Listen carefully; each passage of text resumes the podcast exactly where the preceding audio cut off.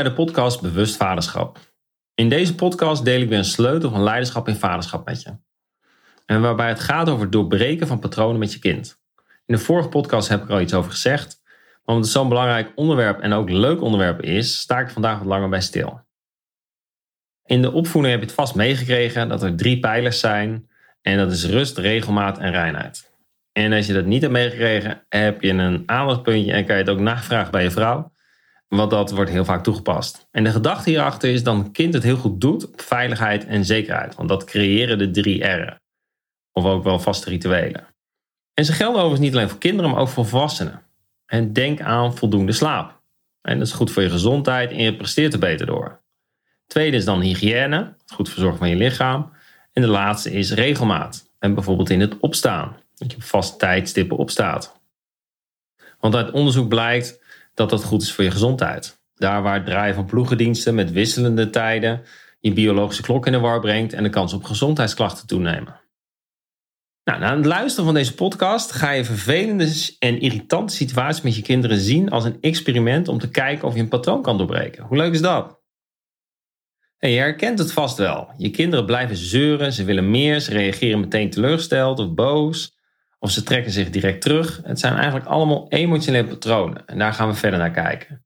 En je ziet het wellicht ook om je heen. Herken je die mensen die altijd boos reageren? Of die mensen die altijd de schuld op zich nemen en die zich altijd schuldig voelen? Het zijn ook vaste emotionele patronen waar mensen op terugvallen en eigenlijk ook kinderen. En want kinderen ontwikkelen die patronen ook. Ze nemen het over van hun ouders of op andere manieren. En om daar wat verder op in te zoomen, op de emoties, heb ik ook een paar vragen voor je. Dus welke emoties heb je vandaag nog ervaren? Wellicht ben je boos geweest, angstig, wat het ook is. Heb je getwijfeld, vond je dingen stom? En ben je daar bewust van? Of ben je er nu bewust van geworden nu ik je de vraag stelt? En welke emoties ervaar je in je leven?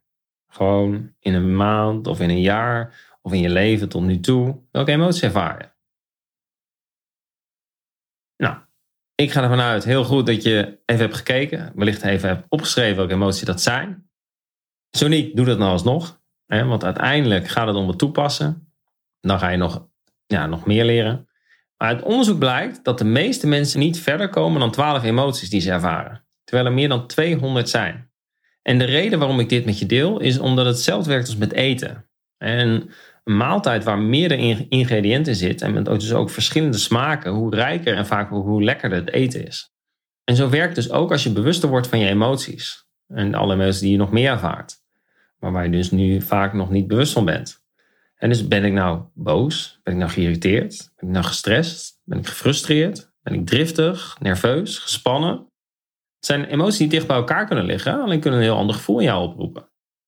Wat is nou jouw emotioneel patroon waar jij op terugvalt als het niet zo loopt zoals je wilt of als je vastloopt? Goed om alvast even over na te denken.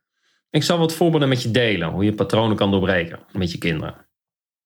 Ja, vorig weekend ging ik met mijn kinderen plus een vriendje naar de bioscoop, naar de film, animatiefilm Bad Guys. En ik had er echt heel veel zin in. Alleen we reden nog niet weg en uh, ik had het gevoel dat de bad guys in mijn auto zaten. Want die twee jongens, jongste jongens, die kregen ruzie met elkaar. Die zaten naast elkaar en die kregen ruzie. En om het patroon van ruzie te doorbreken, maar ook de kans op escalatie, werd ik bewust boos en vooral duidelijk. Dus ik was niet meer de geduldige en lieve papa, die lieve dingen ging vragen. En hierdoor doorbrak ik het patroon. En het neveneffect was dat mijn zoon boos op mij werd en niet meer de focus op zijn broertje had die naast hem zat. En even later werd het dan ook rustiger. Een ander voorbeeld van een patroon is waar ik met mijn oudste zoon in zat. En dat was dat als hij zeg maar, een probleem had, dat hij de neiging heeft om het heel groot te maken.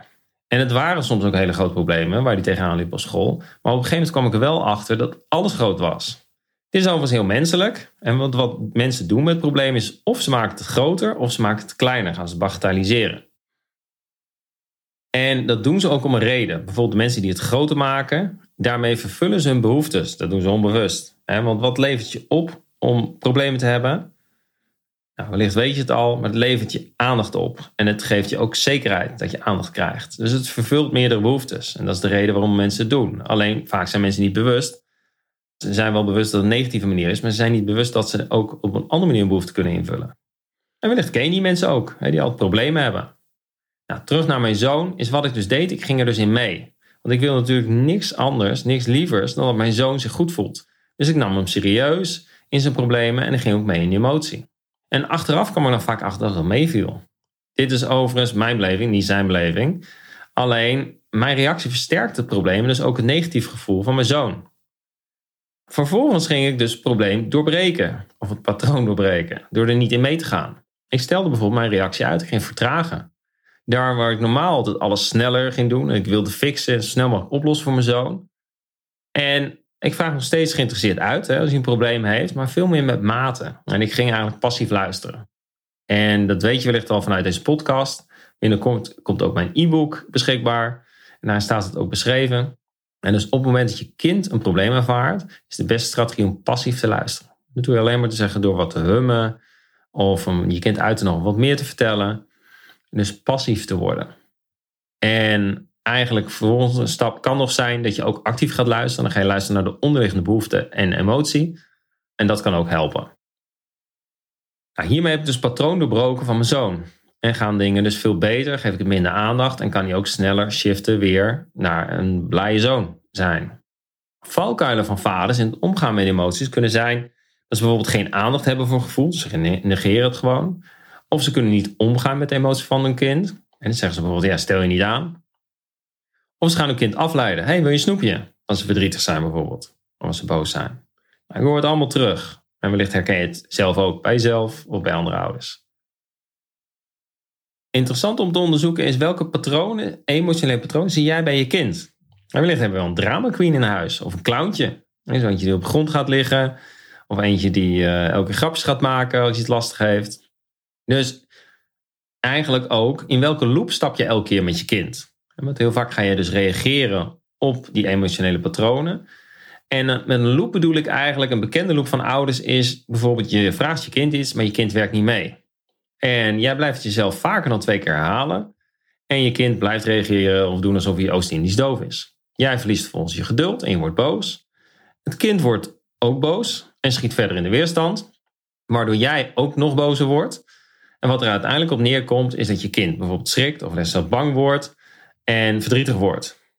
Nou, nadat je tot rust bent gekomen, besef je dat het niet handig van je was wat je hebt gedaan en komt je schuldgevoel dus omhoog. Je onderdrukt het of leidt jezelf af en doet er niks meer mee. Of je gaat er wel wat mee doen, je gaat je excuus aanbieden aan je kind. Nou, je kind wil niks anders dan geliefd zijn door zijn of haar vader, dus doet ook lief terug.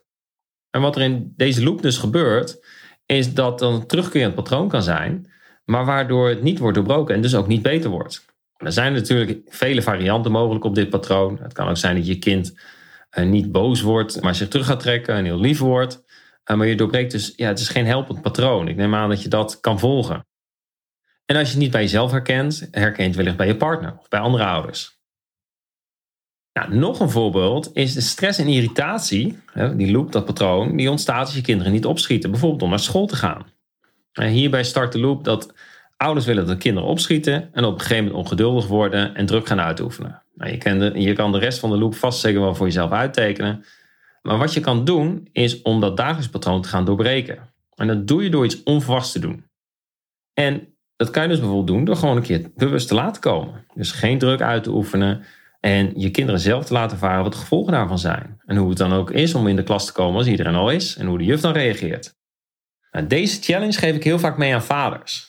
Alleen bijna altijd zeggen ze dat ze er tegenop zien omdat ze zelf nog een patroon te doorbreken hebben. Want zij hebben ook de behoefte om op thuisschool te komen, omdat ze een goede ouder willen zijn. En dat kan dus interessant zijn. En de kunst is dus om patroon te doorbreken. Nou, op welke manieren kan je dat nou doen? En een van de tools die ik je daarin mee wil geven is door jezelf vragen te stellen. Vragen kunnen een bepaald gedeelte van je hersenen stimuleren. En om een klein experimentje met je te doen, stel ik je bijvoorbeeld de volgende vraag. Dus waar ben je echt heel blij mee vandaag in jouw leven? Dus waar word je nou echt heel blij mee vandaag? Wellicht komt er wat omhoog en wellicht ook nog niet. En als het niet zo is, dan zou ik je ook bijvoorbeeld de vraag kunnen stellen: waar zou je nou echt mee blij kunnen zijn als je heel erg blij zou willen zijn? En hoe voelt het ook om echt heel blij te zijn? Nou, ik hoop dat je de tijd hebt genomen, heb ik me even op pauze gezet, om echt stil te staan en ermee te verbinden met dat gevoel. En als je dat hebt gedaan, dan is door deze vraag een bepaalde biochemische reactie geactiveerd. En heb je bewust of onbewust lichamelijke sensaties ervaren. En ook beïnvloeden deze vragen je volgende handeling over wat je wel of niet gaat doen. Dus het heeft invloed. Daarmee doorbreek ik je patroon. En dat maakt ook dat je in bijna elk reflectiedagboek een vraag terugvindt over waar je dankbaar voor bent. Want dat helpt je om negatieve gedachten, vaak gebaseerd op angst, te doorbreken. Want je kan geen angst ervaren als je ook dankbaarheid ervaart. Zo kan je dus nadenken over welke vragen je jezelf kan stellen op het moment dat je in een loop wilt stappen met je kind. Dat kan vooraf zijn, maar de meeste vaders is het achteraf. En dat is prima, want daar kan je dan mooi beginnen. Dus dat je ziet dat je in een loop bent gestapt en jezelf die vraag kan stellen om dat patroon te gaan doorbreken. En als het goed is als je dat gaat doen, kom je steeds dichter bij het moment. En op een gegeven moment kan je zelfs in het moment kan je het voor gaan zijn. Tony Robbins heeft het over drie primaire patronen die je kan doorbreken. En de eerste is je fysiologie. De tweede patroon is de focus. En het derde patroon is taal. En ik ga ze voor je toelichten. Dus het eerste patroon is je fysiologie, dus je lichaam. Dus je lichaamstaal, je gezichtsuitdrukkingen, je tonaliteit, het tempo waarmee je praat. En dus bij sommige ouders is het direct van een gezicht af te lezen als hun kinderen iets doen wat ze niet fijn vinden. En in mijn voorbeeld is dat op een positieve manier, is dat ik langzamer ga praten als mijn zoon een groot probleem heeft. Maar het kan ook zijn dat als je merkt dat je in de loop komt en je geduld aan het verliezen bent, dat je even 30 jumping jacks doet of je 10 keer opdrukt.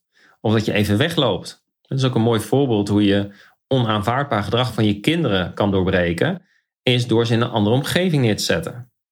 En daarmee doorbreek je ook het patroon. dat kan je dus ook bij jezelf doen. Maar dit was het eerste patroon van de fysiologie. Het tweede patroon is focus. doe of zeg iets wat ja, zeg maar niet als aanvaardbaar wordt beschouwd door jezelf of door anderen. Want hierdoor shift je ook de focus van je kind. En verderop komt er nog een voorbeeld in terug. Maar kijk even naar humor. De beste humor is humor die je niet verwacht. Of dat je pas echt heel hard kan lachen om dingen eh, ja, die de meeste mensen niet doen of die chockeren. En daarmee worden dus patronen doorbroken. Nou, hoe doe je dat nou in de praktijk? Is je kind is weer van school gestuurd, puber, weer van school gestuurd of erg nog, hij is door de politie thuisgebracht. En je kind komt uh, thuis en zit afgesloten, teruggetrokken op de bank, omdat hij aanvoelt dat je boos gaat worden. En waar jullie volgens samen de loop mee ingaan. Nou, om het patroon te doorbreken reageer je eens een keer anders. Je zegt bijvoorbeeld, hey, dat is mij vroeger nog nooit gelukt om een escorte van de politie te krijgen. Goed gedaan.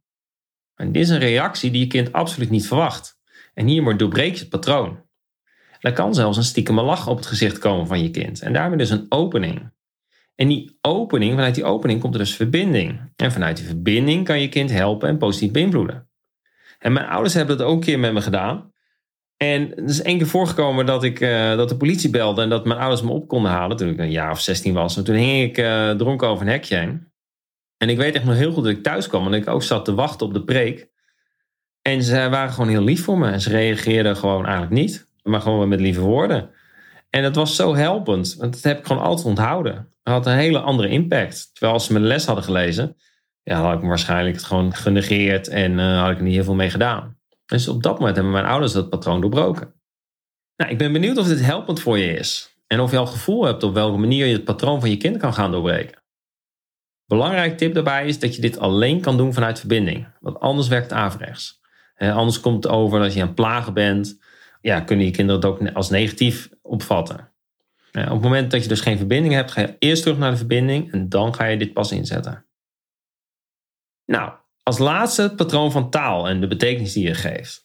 Dus op welke manier reageer jij bijvoorbeeld als je belazerd wordt of als je onrecht ervaart? En ben je dan woedend? Of ben je dan gewoon boos? Ja, vind je het eigenlijk wel vervelend? En je hoort als het goed is de gradatie en de lading die het geeft. En misschien word je niet woedend, maar gebruik je scheldwoorden of ga je vloeken. En, woorden kunnen dus extra lading creëren. En door patroon te doorbreken doe je door minder intensieve woorden te gebruiken. En op het moment dat jij dat gaat doen, leer je dat dus ook onbewust aan je kinderen. Maar je kan je kinderen ook direct gaan leren. En hiermee doorbreek je dus patronen. Want op het moment als ik ga zeggen dat ik dingen vervelend vind, dan komt er dus minder lading. Net zoals ik met mijn zoon deed. En dan worden dus dingen minder groot.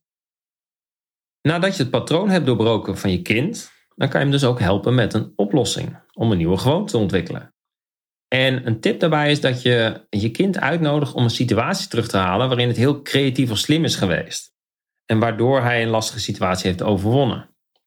En iedereen heeft dat. Dat heb jij, dat heb ik, maar dat hebben dus ook kinderen. Die hebben zo'n situatie in hun leven gehad. En heel vaak moet je er even voor doorvragen. Want mensen zijn het vaak vergeten. Wij staan er niet bij stil. Maar je kan je kind dus uitnodigen om die situatie terug te halen. En die mee te nemen in de probleemsituatie in het hier en nu.